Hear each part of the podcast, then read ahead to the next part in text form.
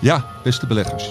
In een week waarin Just Eat een hoge bestuurder kwijtraakte na wangedrag op een bedrijfsfeestje en de Amerikaanse centrale bank voor het eerst sinds 2000 de rente in één keer met 50 basispunten verhoogde, staat de AEX rond de 710 en de S&P 500 rond de 4230 punten. Tijd om te praten over beleggen. Dit is voorkennis. There are three ways to make a living in this business. Be first, be smarter, or cheat. No, I don't cheat. Beleggersbelangen presenteert voor kennis. Ja, beste beleggers. Leuk dat jullie weer luisteren. Ehm, ik ben Johan Brinkman en ik mag eh, vandaag weer de presentator zijn van Voorkennis. Uh, gasten zijn deze week eh, mijn collega's Hildo Laman en Stefan Hendricks. Uh, gevarieerde hoofdonderwerpen zoals altijd. beleggen in Amerikaanse en in Nederlandse big tech en ook nog duurzame energie. Maar eerst uiteraard terugblikken op weer een spannende week. En begin ik bij jou Hildo, wat is jou het meest opgevallen? Ja, ik denk, je hebt het al uh, genoemd, Amerikaanse renteverhoging. Je zag uh, volgens mij al de hele week op de beurs dat daar een beetje op gewacht werd op het Amerikaanse rentebesluit in het commentaar. En de beurs reageerde daar positief, positief op woensdagavond. En vandaag zie je trouwens ook de Engelse centrale bank met een, vandaag donderdag, Engelse centrale bank met de renteverhoging komen, maar met een, ja, een vrij pessimistische vooruitblik. met een ehm, inflatie die kan oplopen tot, tot 10%. Dus dat vond ik vandaag ook wel opvallend. Ja, en ja, je zag vanochtend, dus donderdagochtend, ook op de Nederlandse beurs, op het beursplein, ja, plus 2% bij de AEX. Dat zie je niet zo snel. Loop van de dag zwakte dat weer wat, wat af. Um, ja, zijn beleggers nou blij of niet blij met met name wat er door Powell gisteren gezegd is? Um, ja, dus het is heel moeilijk te, zeggen. Te zeggen. Uh, kijk, ik denk dat wat, wat heel belangrijk is, is uh, um, wat gaat de inflatie uh, de rest van het jaar doen? En, um, en uiteraard, wat, wat gaat de vet daaraan doen? Want dat er meerdere, nog meerdere renteverhogingen aankomen, daar houdt iedereen wel rekening mee. maar volgens mij, wat mij betreft, is de, is de grote vraag voor beleggers nog steeds hoe ziet het er wat op de wat langere termijn uit? Um, blijft de inflatie hoog? Komt er een recessie? En, en zo ja, wanneer? Kijk, dat er een recessie een keer komt, dat, uh, dat is evident. Um, maar komt die, uh, begint die, weet ik veel, eind dit jaar al, begint die begin vo volgend jaar, uh, moet, laat hij nog twee jaar op zich wachten? Dat, dat zijn voor mij vragen waar nu beleggers heel erg druk mee zijn. Ja, en uh, ja, die onzekerheid blijft dan uh, kennelijk. Die, die 50 basispunten waren natuurlijk ook wel uh, verwacht. Verrassing zat misschien in wat Powell daarop zei. Hoe kijk jij daar tegenaan, Stefan? Ja, kennelijk was het enthousiasme gisteren um, nou volgens mij volkomen gebaseerd op het feit dat de renteverhogingen van eventueel 75 basispunten kennelijk voorlopig niet op de agenda staan. En daar was iedereen heel erg blij mee. Um, God knows why. Want als je verder las, en in ieder geval ook naar de persconferentie hebt geluisterd, dan nou ja, hoe vaak Powell al niet heeft gezegd, hoe vervelend inflatie wel niet is voor de gemiddelde Amerikaan en dat dat er echt bestreden moet worden. Uh, dat uh, Paul Volcker uh, toch de held van iedereen is. nou ja, die heeft er ja. nogal wat aan gedaan. Om Amerikaanse centrale bank president uit de jaren 70 en 80. Ja, vrij legendarisch als degene die de inflatie uh, met brute middelen de kop in heeft gedrukt. En Hildo noemde net al even natuurlijk de renteverhoging van de Bank of England. Uh, met dat een kwart procentpuntje tot 1%. Dat is verder allemaal niet zo van belang. Uh, Hildo zei terecht al dat de Bank of England wat aan de pessimistische kant is. wat, wat ik daar wel, nou ja, realistisch eigenlijk aan vond, is dat in tegenstelling tot uh, Jerome Powell, die nog uh, hoopt, uh, in ieder geval de hoop uitspreekt, dat er een zachte landing komt met al zijn renteverhogingen, was de Bank of England wel wat um, ja, pessimistischer, om het dan maar zo te zeggen. En die voorzien eerder een recessie ook al, omdat de energieprijzen in het Verenigd Koninkrijk blijven stijgen. Dat lijkt mij misschien een iets realistischer uh, scenario. Volgens mij was het net bij opening alweer vrij snel de, de beurzen in de VS 2, 2,5 procent in de min. Uh, ik zag niet zo heel erg goed gisteren uh, de reden voor een, voor dergelijk optimisme dat de koers opeens 3% omhoog moest schieten. Zag ik Ja. totaal niet. Nee. Nou ja, in ieder geval dat, eh, dat optimisme wat er dan kennelijk gisteren was, dat is er vandaag al eh, niet meer. En per saldo verandert er dan eh, qua koersen niet zoveel. Eh, Stefan, er gebeurde afgelopen week eh, ja, nog veel meer. Wat zijn de belangrijkste punten die jij kan noemen? Nou, er gebeurde inderdaad heel veel, want we zijn al bijna volgens mij de flash crash die we hadden. Wat was het, maandag geloof ik? Uh, alweer vergeten. Ja, hadden, we, hadden we er niet twee? Oh, twee zelfs. Nou, dan heb ik er tijdens mijn vakantie ook nog eens eentje gemist. Uh, Ja, misschien geval- dat ik toen op aanraden van Nou- Menno in een pretpark zat. Ja, dat zou kunnen. Ik dacht ook nog, nou, ik dacht ook nog dat één aandeel in de VS eh, getroffen was door een eh, mini flash crash. Maar er was in ieder geval eentje in Noord-Europa, eh, althans. En ja, die was in heel Europa merkbaar. ja, foutje van City. eh, eh, blijkbaar. Althans, eh, City heeft in ieder geval iets over naar buiten gebracht. Eh, natuurlijk de cijfers van inkoopmanagers in China. eh, die vielen ook heel erg tegen. Misschien niet helemaal onverwacht gezien Ja, de, heel even terug, terug, terug naar die eh, flash crash hoor. Want ik weet dat je heel veel wil noemen, maar dit is wel eh, heel kort denk ik dan. Van, eh, ja, kun je daar als particuliere belegger, behalve dat je schrik nou echt last van hebben?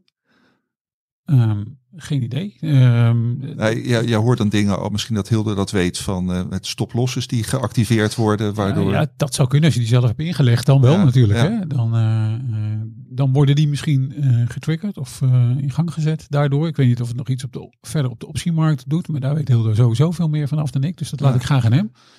Ja, nou, het, als particulier, als jij optieposities hebt, eh, kijk, eh, ik zou met optieposities sowieso niet met stoplossers werken. Daar gaat het veel te hard voor. Ehm, ik zou met aandelen eerlijk gezegd ook nooit met vrijwel nooit met stoplossers werken. Nee, Ehm, dus ja, ehm, kijk, zo'n flash crash, ik zie het altijd als, ehm, als momenten waarop er, er koopjes langskomen. Want zeker als het echt heel erg hard gaat, dan eh, wordt er bijna altijd ook overdreven. ja, En dat zijn meestal juist hele interessante eh, punten om iets te kopen dan wel te verkopen, afhankelijk van je positie. ja, dus ik zie dat eerder als kans, als optiebelegger althans, dan als eh, een bedreiging. En dan moet ik er natuurlijk wel bij zeggen, dan moet je er wel natuurlijk, om het zo maar te zeggen, achter de knoppen zitten. Als je Ja, op het strand ja. ligt, dan wordt dat lastig. ja. Oké, nou, Of je- een pretpark. Ja, precies. Eh, eh, nou ja, de rest van de redactie was overigens wel aan het werk eh, van de week. Maar goed, eh Stefan en Hildo zitten nu hier allebei, dus we hebben niks te klagen. Eh Stefan, jij had een, eh, best een lange lijst van dingen die jou zijn opgevallen. Wat wil je nog verder noemen? Nou, in ieder geval, eh, we hebben natuurlijk ook cijfers gehad van de oliegiganten BP en Shell. En die waren in beide gevallen buitengewoon goed door hun hoge winsten. En dat wakkert her en der weer, nou, met name in het Verenigd Koninkrijk, weer de discussie aan of deze extreem hoge winsten misschien niet speciaal belast moeten worden, omdat die toch mede het gevolg zijn van eh, de oorlog in Oekraïne. Eh, Britse oppositiepartij Labour eh, die vraagt daarom. Britse premier Johnson had dat eerder uitgesloten. Vervolgens had zijn minister van Financiën de deur weer op een klein beetje op een kiertje eh, gezet. Ehm, maar niet alleen in het Verenigd Koninkrijk speelt dat ook in Duitsland. Duitsland heeft een coalitie met drie partijen. Dus de Sociaal-Democratische SPD. Dan hebben we die Groenen nog en de eh, liberale FDP. Nou, de minister van eh, Economische Zaken in Duitsland, meneer Habeck, die lijkt er ook wel iets voor te voelen. En in Duitsland gaat dat dan eh, niet zozeer om olieconcerns, want die hebben ze niet zoveel in Duitsland. Maar wel bijvoorbeeld om stroombedrijven. Ehm, dus hij is voor. De minister van Financiën, Lindner van de FDP, die is tegen. En die zegt, ja, je kunt natuurlijk wel bijvoorbeeld bedrijven belasten die extra winsten maken. Eh, door middel van stroomverkoop die ze goedkoop zelf kunnen maken. Hè. Dus ehm, als je windenergiebedrijven hebt, ja, daarvan zijn de kosten natuurlijk niet opgelopen, want die hebben geen gas nodig om die turbines eh, aan te slingeren. Eh, maar, zegt hij, we willen toch ook als Duitsland dat die bedrijven extra gaan investeren Ja. in duurzame energie. Dus als ze die winsten maken, is dat eigenlijk niet, toch niet alleen maar goed voor ons. En hij trok dat zelfs nog ietsje breder over een bedrijf waar we misschien niet zozeer op dit specifieke bedrijf, maar wel die sector waar we het later nog over gaan hebben. De halfgeleiderindustrie. Ja, Die zouden misschien ook hele hoge winsten kunnen maken. Daarvan zegt hij, ja, die ga je toch ook niet extra belasten. Want je hoopt eigenlijk dat een heleboel van die halfgeleide producenten hun productiecapaciteit in Europa gaan uitbreiden. Omdat we dat toch prettig en veilig vinden. Dus dat zou je toch niet moeten opmoedigen door die, eh, die hoge, misschien in eh, ogen van sommigen te hoge winsten, nu te gaan belasten. ja, ja, en ik vraag me dan ook af eh, wat je doet in kwartalen dat de winst niet zo hoog uitvalt. Of ja, wellicht Shell of BP een keer verlies gaan maken. Of je ze dan gaat subsidiëren. Maar goed, dat eh, is eh, dan weer een volgende vraag. Zeker, maar dit is politiek natuurlijk meestal een eh, eenrichtingsverkeer, hè? deze discussie. Dus Ja. dat is nooit- een En tweerichtingsverkeer. eh, Dus- Shell is nu helemaal niet meer van ons. Vindt de Nederlandse regering desondanks hier ook wat van? Of is dat eigenlijk voor deze partijen niet relevant? Nou, die, die zullen daar misschien ook nog wel iets van vinden. Uh, maar dat is denk ik niet zo heel erg relevant. Het ging overigens in het Verenigd Koninkrijk ook over de winsten die bijvoorbeeld met Noordzeeolie werden behaald. En dan moet je weer gaan uitpluizen hoeveel precies daarmee behaald wordt van die totale winst. En dan kijken hoeveel je dat moet gaan belasten. Nou, dat blijkt heel erg lastig te zijn. Niettemin is het hele idee van het belasten van hogere winsten eh, als gevolg van de situatie die ontstaan is op de energiemarkt wel iets dat gewoon in heel Europa speelt. Want we hebben het natuurlijk in het verleden in deze podcast ook al wel gehad over verschillende nutsbedrijven. En in Zuid-Europa is dat gewoon een thema en wordt dat ook gewoon uitgerold. Helder, dus eh, daar komen we vast nog wel een keer eh, in deze podcast op terug. Ik hoorde jou ook nog voordat ik je eh, een paar vragen ge- geleden onderbrak over de Chinese PMI. Daar ben ik dan toch ook wel benieuwd naar wat je daar aan is opgevallen. Nou ja, dat die vo- voorkomen zijn afgestort eigenlijk. Volgens mij van twee, wat was het, 42 naar 36. Kijk ook even naar Hilde of die Ja. misschien... ja, dat is natuurlijk aan de ene kant misschien niet verrassend eh, gezien het coronabeleid in China. Want ja, als er gewoon een heleboel steden op slot gaan, een heleboel productiecapaciteit gaat op slot, ja, dan kan je niet verwachten dat die inkoopmanagers optimistischer gaan worden. Dus het is niet zo, niet zo gek, denk ik. Maar het hakt er natuurlijk wel in. Ja. En eh, China natuurlijk uitermate belangrijk voor de wereldeconomie en dus voor de financiële markten. Eh, we gaan eh, naar. Nou, nee, nee, ik wil toch nog één ding. Ah, toch ik nog weet één ding. Ja, ik, ik, ik had je gezegd dat ik een, best een, een, een, lange terugblik had, maar ik doe, ik doe er dan nog eentje. Je doet er één, Eh, oké. ehm, misschien een beetje in de periferie voor Nederlandse beleggers, Ehm, maar dat is, betreft het Amerikaanse biotech-concern Biogen. En eh, Biogen is denk ik eh, meest bekend, de recent in ieder geval, van een middel tegen de ziekte van Alzheimer dat men op de markt probeerde te brengen. Het middel heet Aduhelm en dat, ehm, nou ja, dat werkt volgens ehm, een, hypothese dat samenklontering van een bepaald eiwit, amyloïd, in de hersenen zorgt voor het ontstaan van die ziekte van Alzheimer. Daar heeft men een middel tegen ontwikkeld, Aduhelm. En toen ehm, Biogen juni vorig jaar daarvoor de voorlopige voorwaardelijke goedkeuring van de Amerikaanse toezichthouder FDA kreeg, toen knalde die koers 38% omhoog. En iedereen dacht van ja, dit kon nog wel eens een fantastische markt worden voor Biogen. Want ja, zo zijn beleggers natuurlijk. Ja. Die zagen een hele grote markt. Er zijn immers miljoenen mensen die eh, aan die ziekte lijden of nog gaan lijden. Ja. Ehm, de prijs die Biogen daarop stelde was ook fors. In eerste instantie 56.000 dollar per therapie. Dat is Ja. niet mis. nee. Eh, dus eh, sommige beleggers zagen daar al een, een aardige eh, zilvervloot voor Biogen binnenkomen. Vandaar dat die koers ongelooflijk explodeerde. 38% in een tijdje ook hoog bleef. Ja. Maar eigenlijk vanaf die tijd is het alleen maar bergafwaarts gegaan. Ehm, zowel met Biogen als al het nieuws rondom dat middel Aduhelm. Nou, waarom? Het was eigenlijk bij die voorwaardelijke goedkeuring was het al controversieel. Ja. Een jaar daarvoor had een adviespanel aan die FDA. Daar hadden tien van de elf mensen zich eigenlijk al tegen dit middel uitgesproken. Hadden gezegd, ja, we zien niet het keiharde wetenschappelijke bewijs dat nodig is Ja. om dit medicijn op de markt te brengen. Niettemin heeft Biogen doorgezet. Ehm, maar dit is niet echt heel erg succesvol verlopen. Ze hebben begin dit jaar al de prijs gehalveerd naar 28.000 dollar per therapie. Dat is nog steeds heel erg veel. Maar toen kwamen er nog twee extra klappen. Eén was in april dat Biogen besloten heeft om eh, de goedkeuringsaanvraag in Europa terug te trekken. Dat is wel opvallend. En het tweede, dat, was, dat is pas echt een, de, de doodklap geweest voor dit medicijn, is dat in Amerika de toezichthouder die, ehm, die vergoedingen regelt voor de nationale dekkingssystemen Medicaid en Medicare, heeft gezegd dit medicijn niet te vergoeden, behalve voor patiënten die meedoen aan goedgekeurde klinische testen. Nou, dat betekent eigenlijk dat de hele markt zo Ja, ongeveer weg ja. was. Wat voor effect dat heeft, kon je zien bij de eerste kwartaalcijfers die begin deze week zijn eh, gepubliceerd. Want wat daar gebeurde is dat Biogen zei ja, eigenlijk eh, door deze beslissing is Aduhelm, dit medicijn, dus gewoon commercieel niet meer haalbaar. Ja. Dus wat doen we? We trekken ons verkoopteam er maar vanaf. Ja. Dus die mensen die worden helaas ontslagen of elders ingezet. Dat levert Biogen overigens 500 miljoen aan kostenbesparingen op. Dan krijg je een beetje een idee over wat voor inspanning Ja, daar geleverd ja, is ja. Om, eh, eh, om dit product op de markt te krijgen. En Biogen schreef 275 miljoen aan voorraden van Aduhelm af. Ook dat zeg je al iets over wat er met dat product gaat gebeuren. En als eh, slotstuk van deze niet hele prettige mededeling was het ook zo dat de CEO vertrekt. Nou, dat is iemand die nogal betrokken was bij dit project. Dat was echt zijn project. Ehm, gek genoeg houdt daarmee de bemoeienis van Biogen met Alzheimer niet op. Want ehm Aduhelm was al een combinatieproject met een Japanse partner, Eisai. En daar gaat men nu door, want er is nog een tweede middel dat men heeft. Ja. En daar wordt in de herfst van dit jaar worden daar hele belangrijke derde testfase resultaten van verwacht. Ja.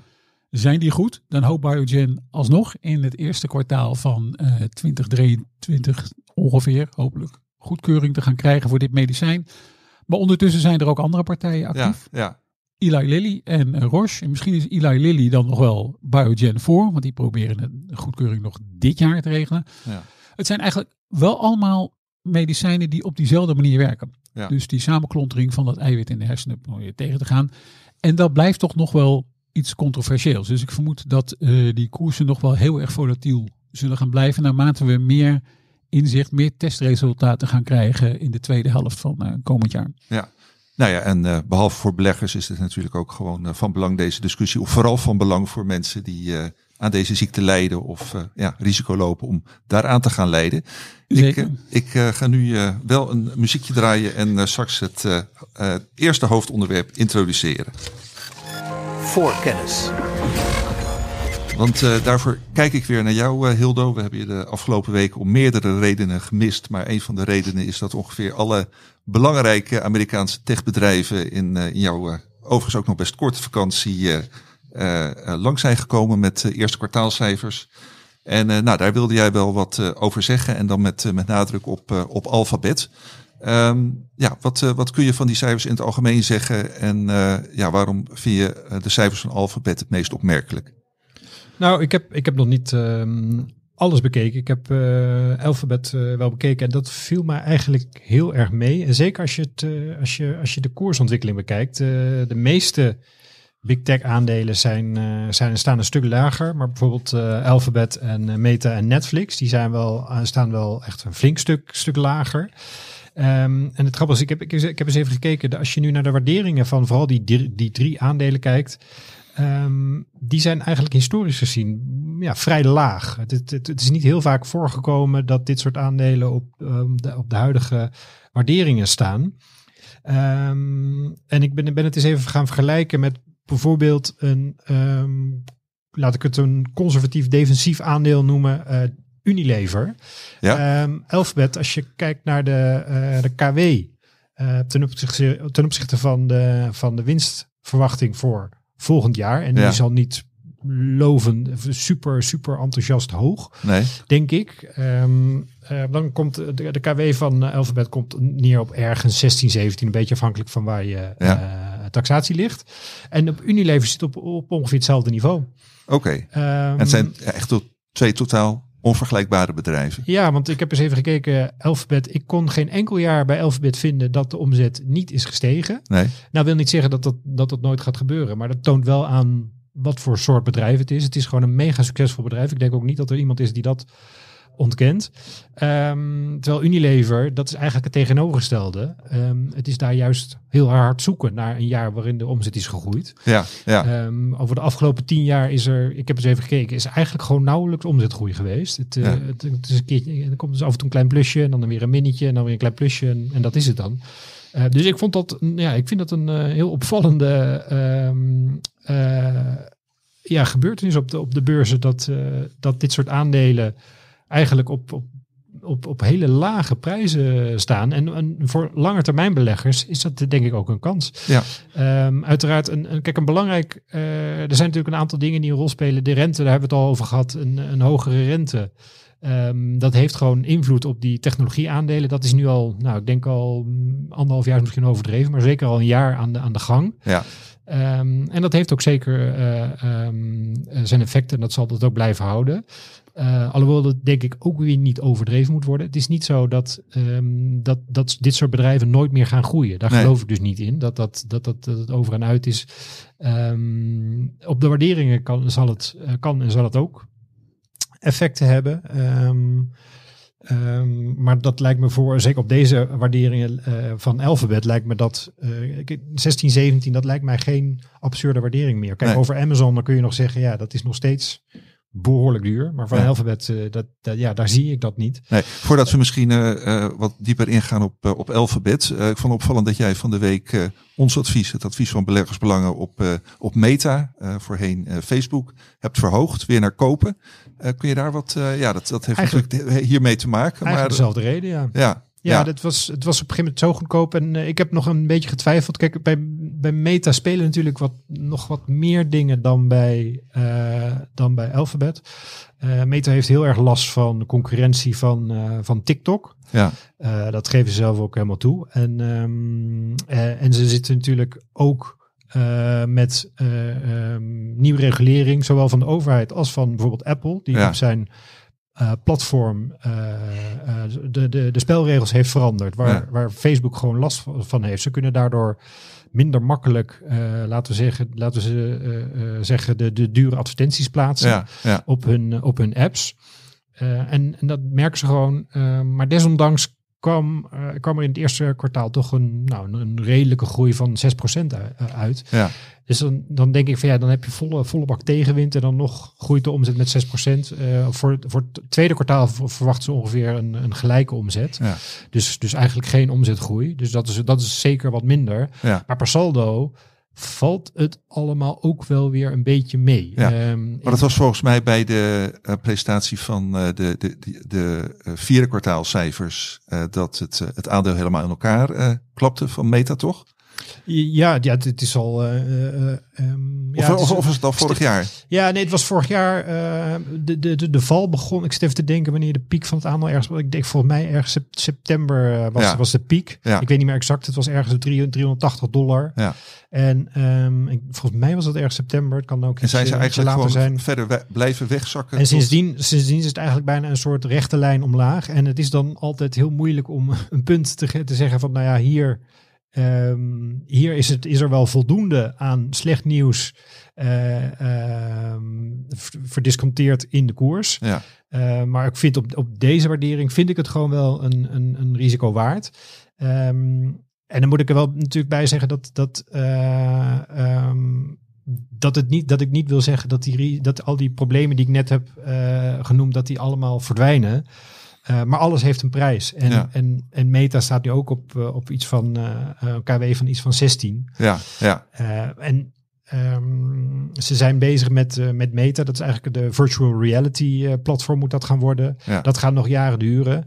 Ehm, maar dat kan de, de fantasie van, van beleggers op een gegeven moment gaan prikkelen. Ehm, en wat ook gewoon mogelijk is, is dat de resultaten de komende dit jaar en volgend jaar niet zo erg zijn als er wel eh, verwacht wordt. Ik, ik denk nog steeds, en dat geldt trouwens voor, ook voor, voor, voor Alphabet. Ik, ik geloof niet dat eh, bedrijven ineens gaan stoppen met adverteren op social media of op internet. Daar, Nee, dat, nee. daar geloof ik gewoon niet in.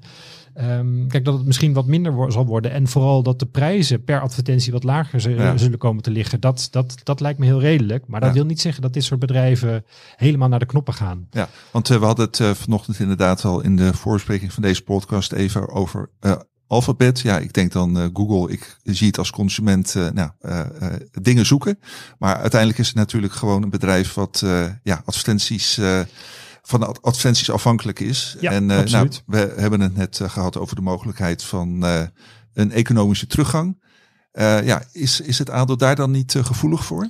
Ja, absoluut. Maar het, kijk, eh, het moeilijke is ehm, een recessie. eh, en dat zie je nu ook een beetje op de beurs. Het, het moeilijke van een recessie, wanneer komt die precies? Ja, En ehm, ik vind het heel. Ik, ja, wat ik eigenlijk. Het spelletje wat ik liever niet wil spelen. Is dat je als belegger. ehm, en dus ook met mijn adviezen. Dat je precies gaat inspelen van. Nou ja, ik denk dat hier. Hier ligt als het ware de top. En dan gaan we zo, om, zo ver omlaag. En dan vanaf daar moet je weer Ja. kopen. Dat spelletje. Dat Ja. precies timen van die markt, Ja. dat is een verdomd lastig spelletje. Al was het maar omdat ehm, markten ruim vooruitlopen op, eh, op resultaten. Dus ehm, tegen de tijd dat, we, dat er een recessie komt, dat je dat echt in de economische cijfers terugziet, Ja. dan kan het zijn dat, dat de beursreactie al geweest is. Ja, En dat je alweer gewoon vrolijk eh, gaat stijgen, omdat er na de recessie volgt onherroepelijk een herstel. Ja. Ehm, dus dus dat, dat is, ja, ik probeer daar, dat, ik, ik hou daar wel rekening mee, maar Ja. ik, probeer, ik probeer niet precies die golven eh, Nee. ehm,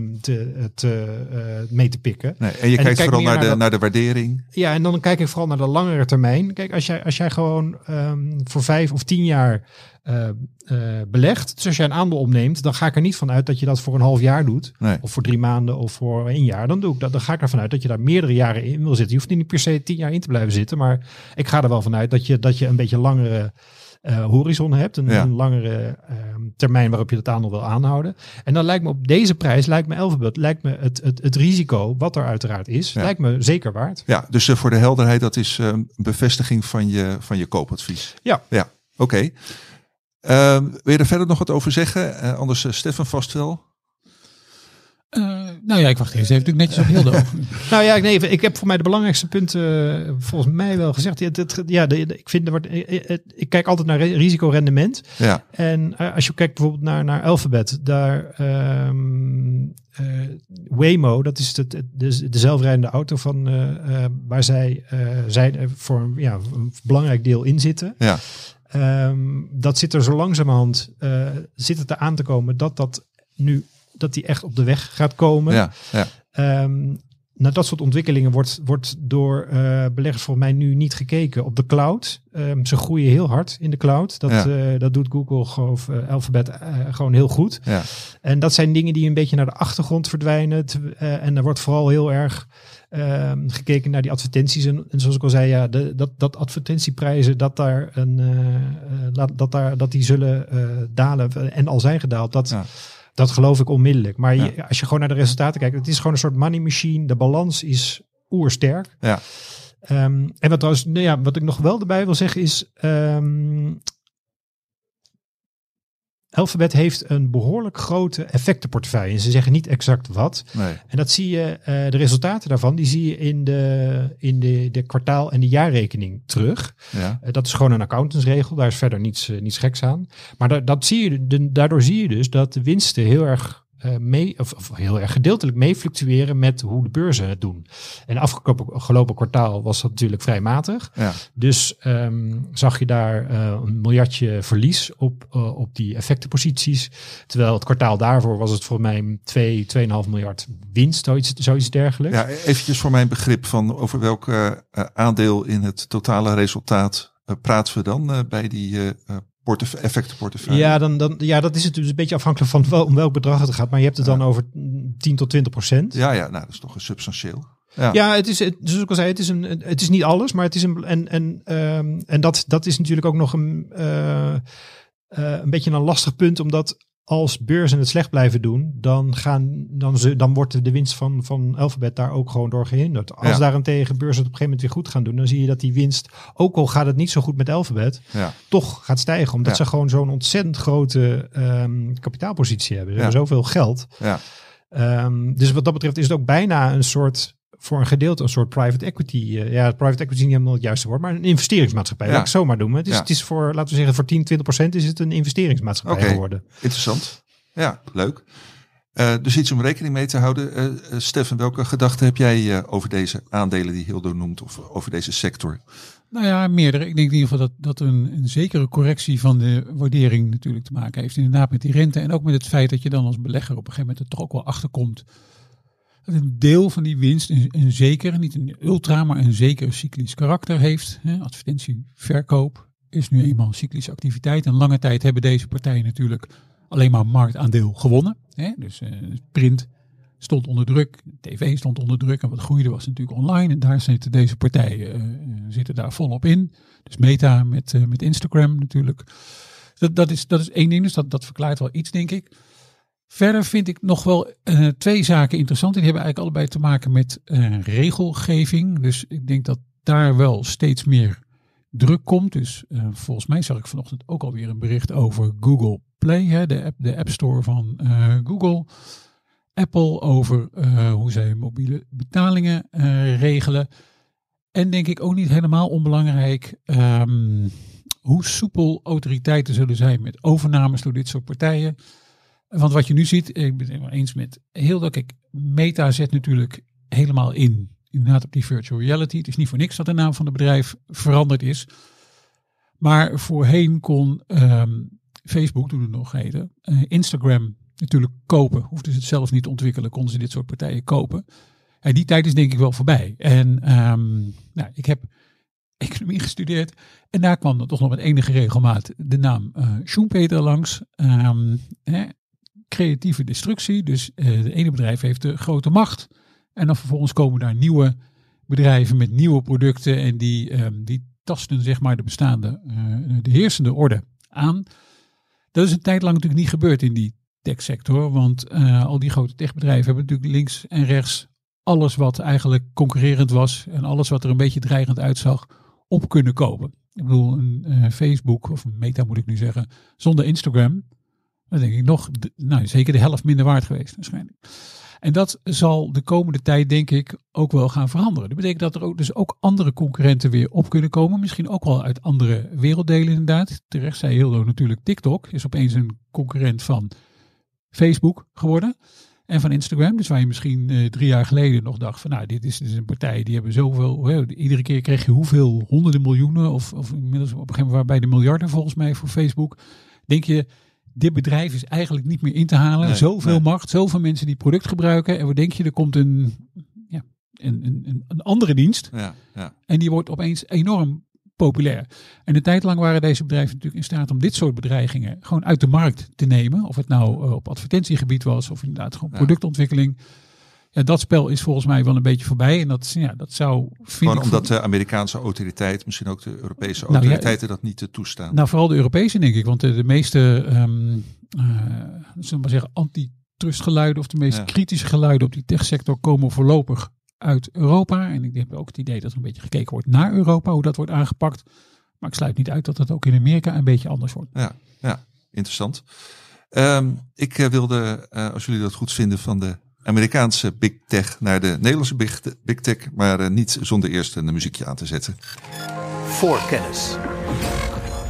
ja, luisteraars, want ja, we hebben ook Nederlandse big technologie. En dan hebben we het met name over Atje en het betaalbedrijf en, en ASML. En nou, een, een, deel van de dingen die we besproken hebben over rente en Amerikaanse technologiebedrijven gaan natuurlijk ook voor die bedrijven op. En nou ja, dat is natuurlijk ook aan de, aan de koers van die bedrijven te zien, die uh, nou zeker in het geval van uh, Atjen vrij dramatisch naar beneden is gegaan.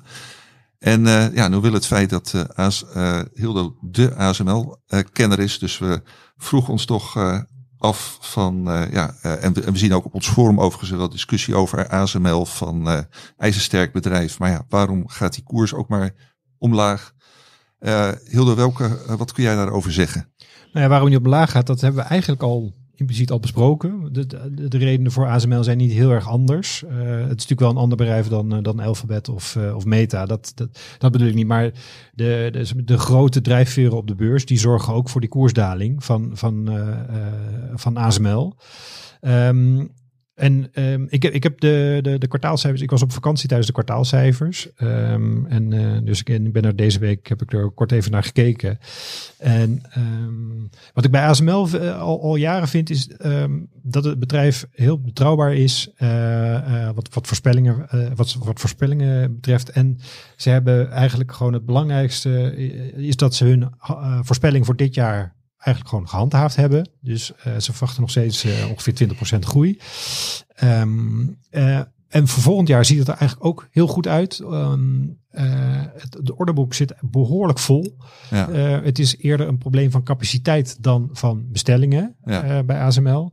Um, capaciteit heeft, aan materialen, aan mensen? Om, om, nou ja, gewoon de capaciteit om, om, um, de, om die machines te ja, maken. Ja. Ze, ze, ze, hebben niet precies gezegd waar de, de grootste knelpunten, althans, ik, dat heb ik misschien gemist, maar ik heb het, ik heb het niet gehoord waar de grootste knelpunten zitten. Maar eh, kijk, eh, de juiste technische mensen vinden en de juiste productiefaciliteiten ehm, creëren, dat is natuurlijk geen sinecure. Ze maken uiteindelijk geen uh, eierprikketjes, om het zo maar te zeggen. Nee.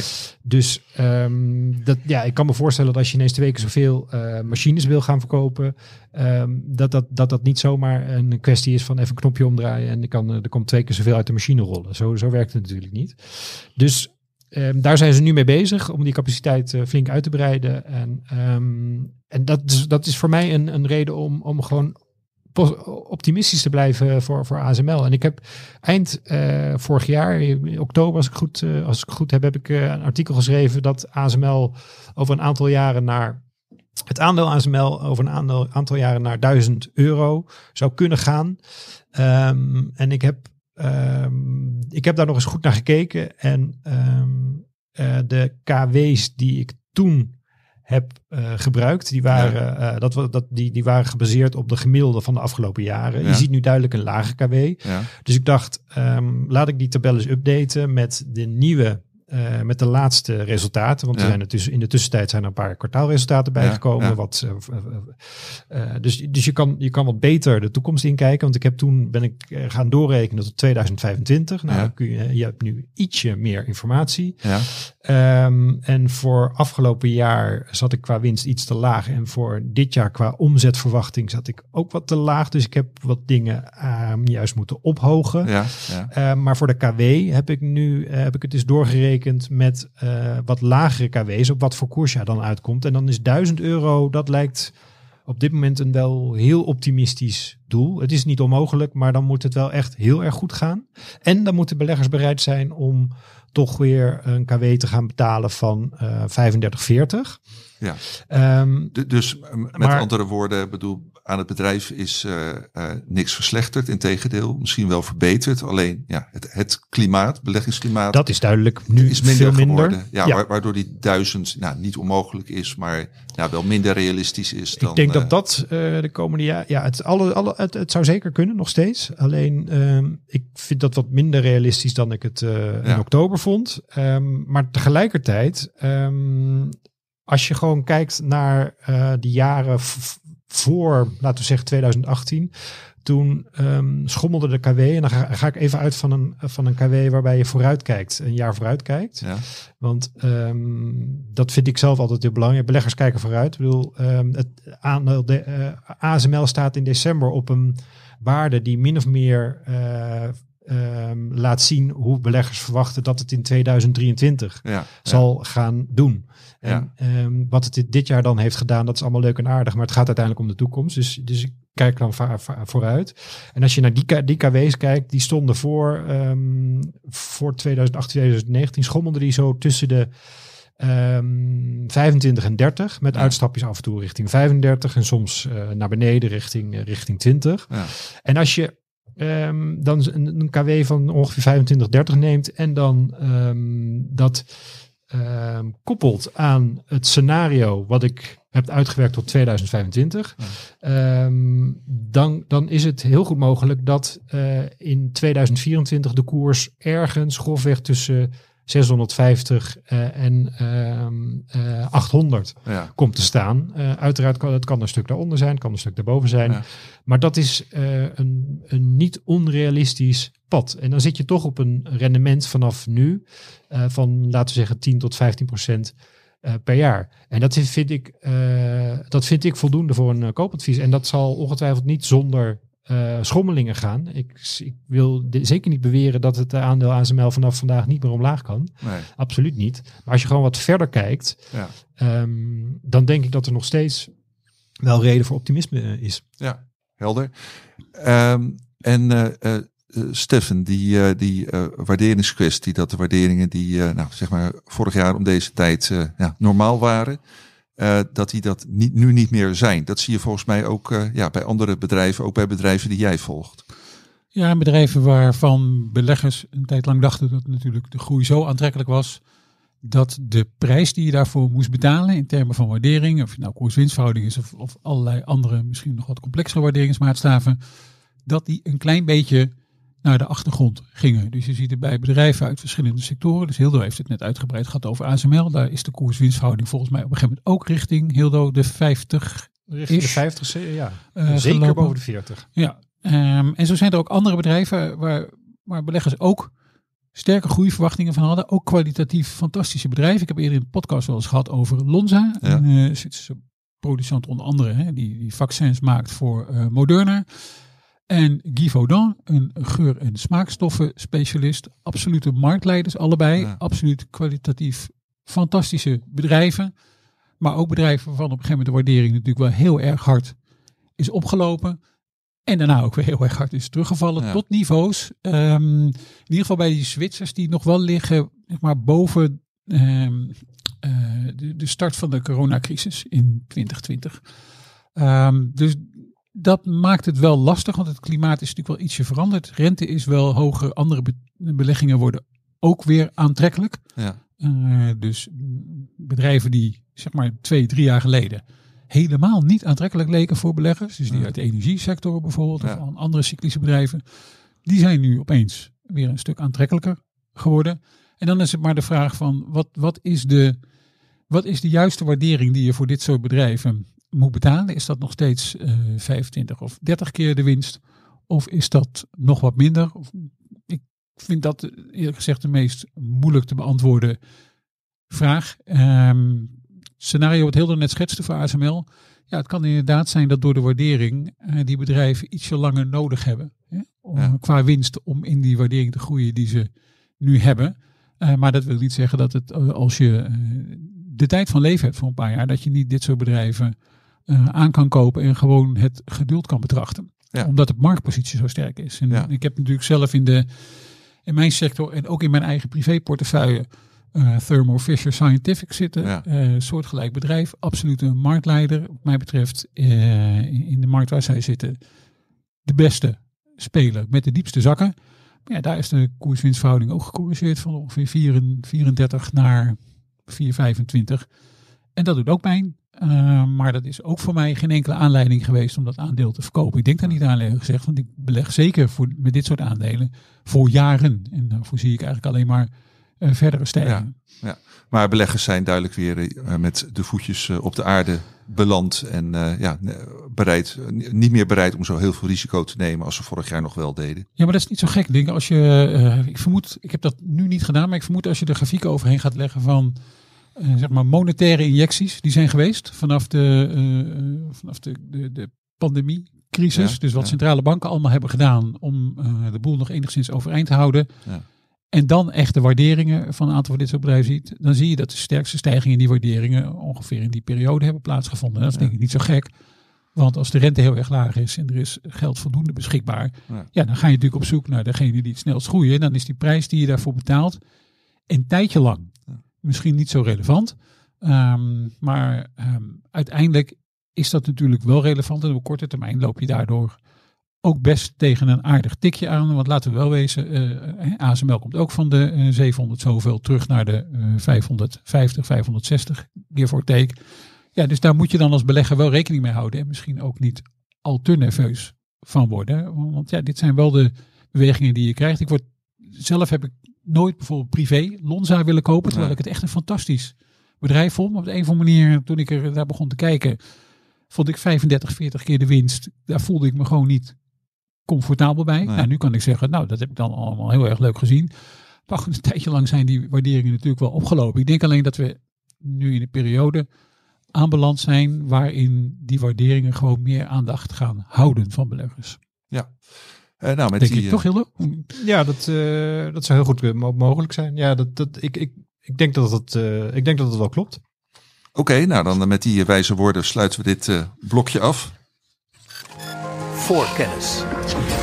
En eh, gaan we naar het eh, laatste hoofdonderwerp. Heb ik eh, eh, duurzame energie genoemd. Eh, maar ik weet zeker dat, dat windenergie eh, daar een rol in eh, gaat spelen.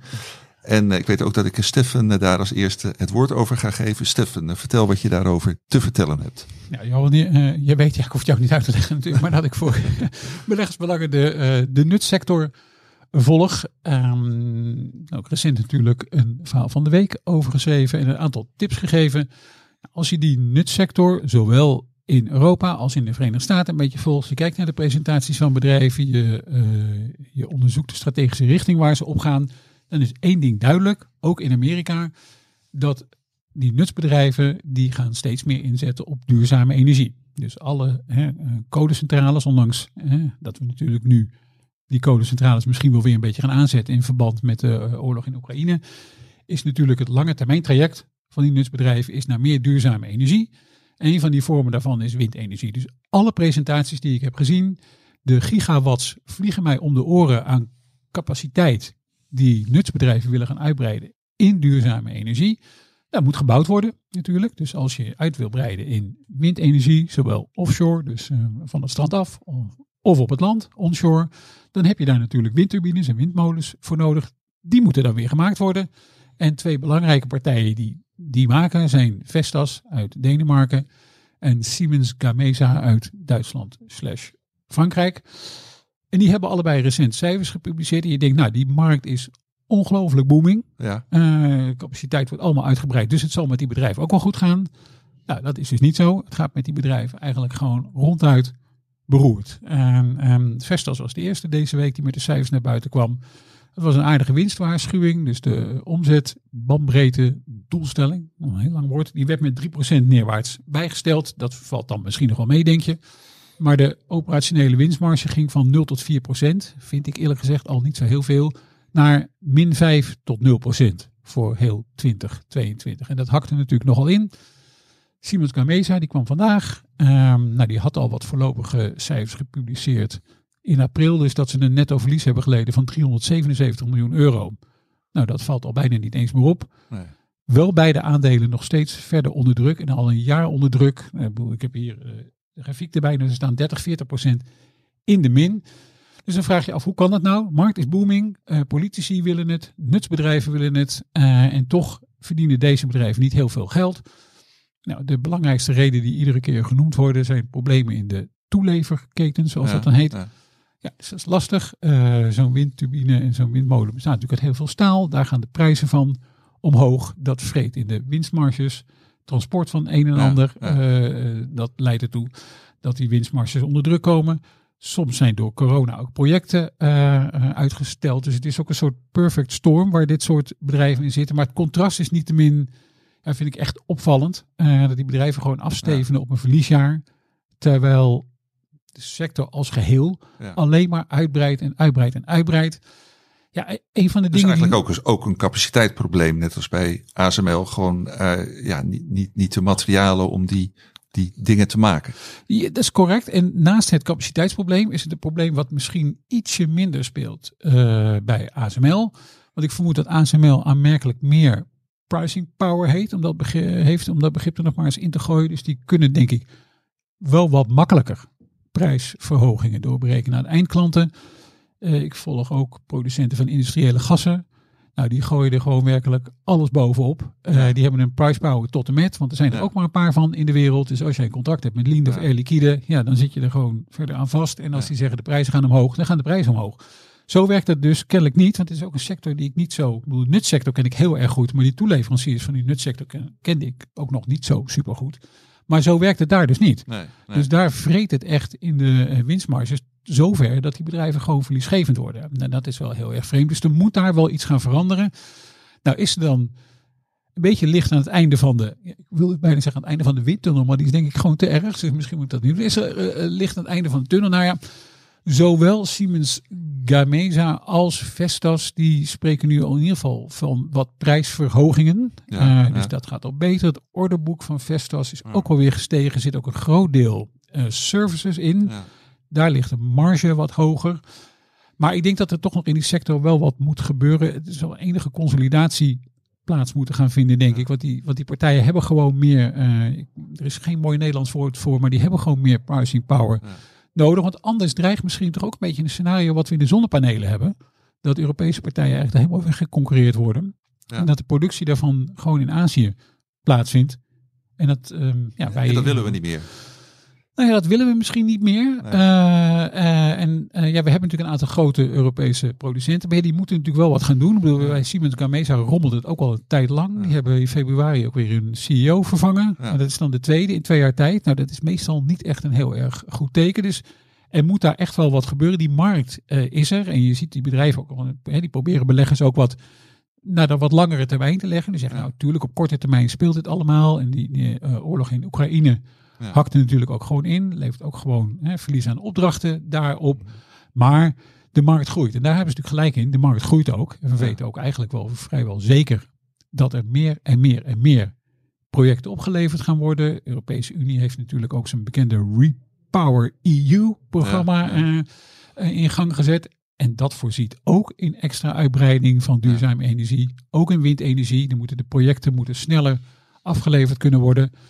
Maar dat neemt niet weg dat dit soort partijen natuurlijk kennelijk de eh, macht niet heeft om die prijs voldoende te verhogen. Ondanks dat de omzet wel iets hoog de, verhoogd wordt. De markt daar is. Maar het ze nog niet lukt om dat echt door te breken. En die eh, nou, sterk gedaalde beurskoersen van eh, beide bedrijven die je noemt. is, dat dan nu, is daar nu een bodem? Met andere woorden, durf jij daar koopadviezen op te geven?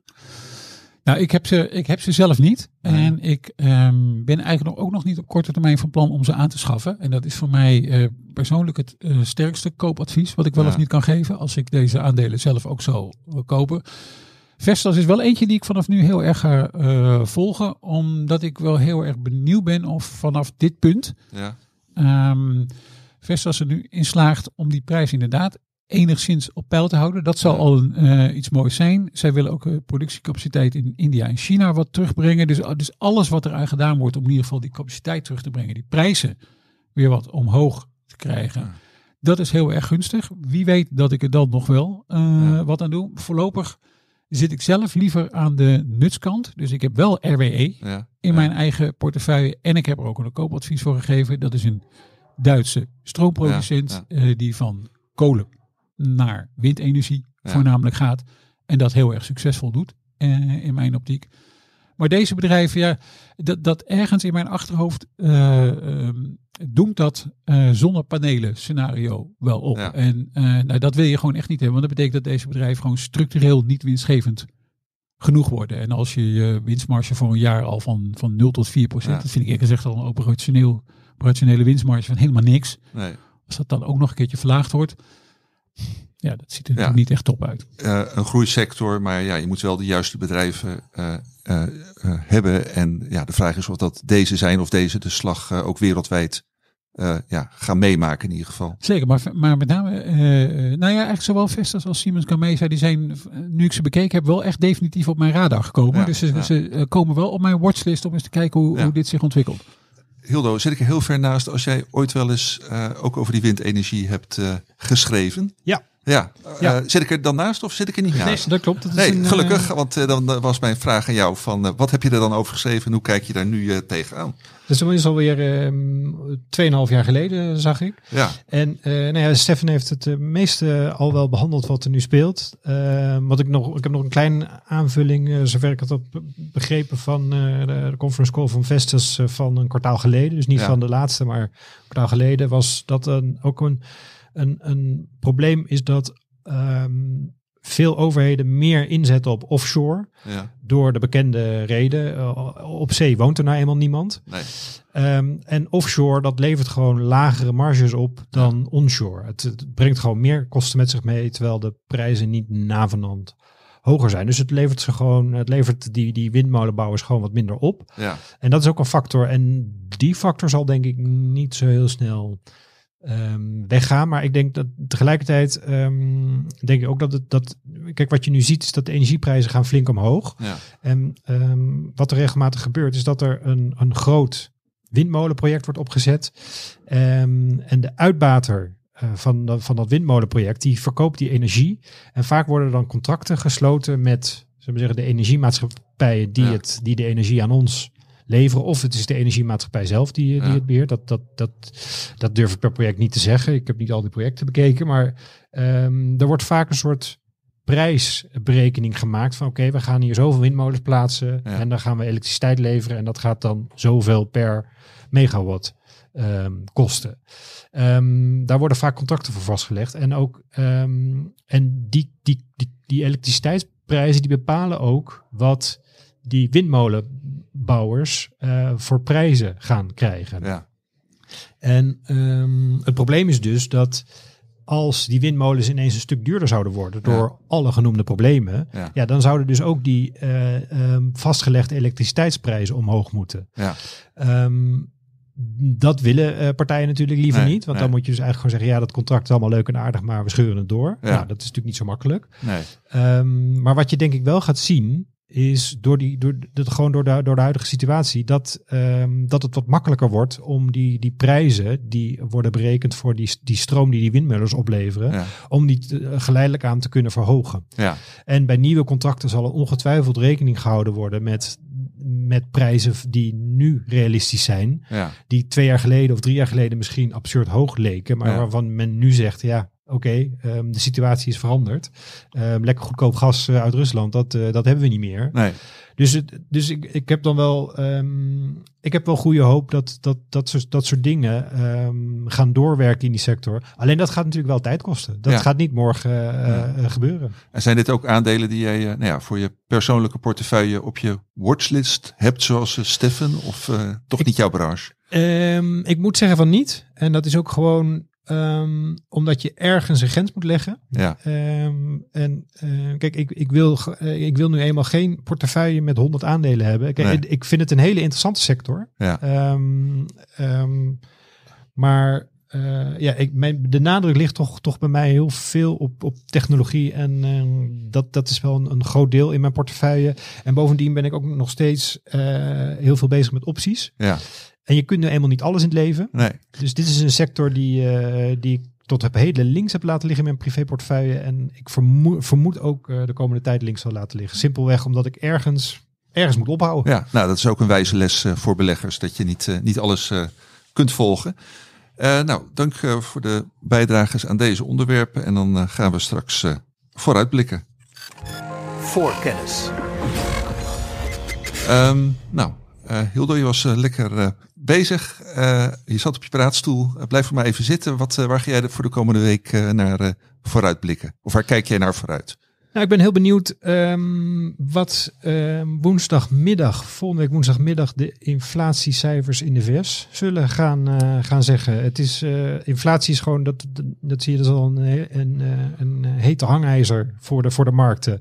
Volgende week inflatiecijfers uit de VS. En dat vind ik ben heel benieuwd of je daar iets, je zag bij de core inflation, zag je bij de laatste resultaten, zag je al een soort van afvlakking.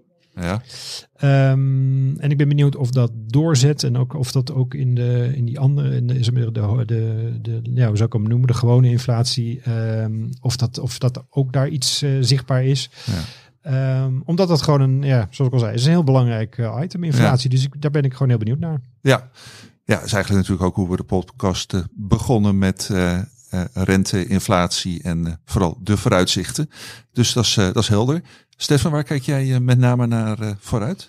Nou, laat ik dan nog eh, één bedrijf noemen uit het staartje van het cijferseizoen. En dat is de Duitse herverzekeraar Münchener Rück, of zoals de website meestal is, Munich Re. Ja, Ehm, die komen aanstaande dinsdag met cijfers.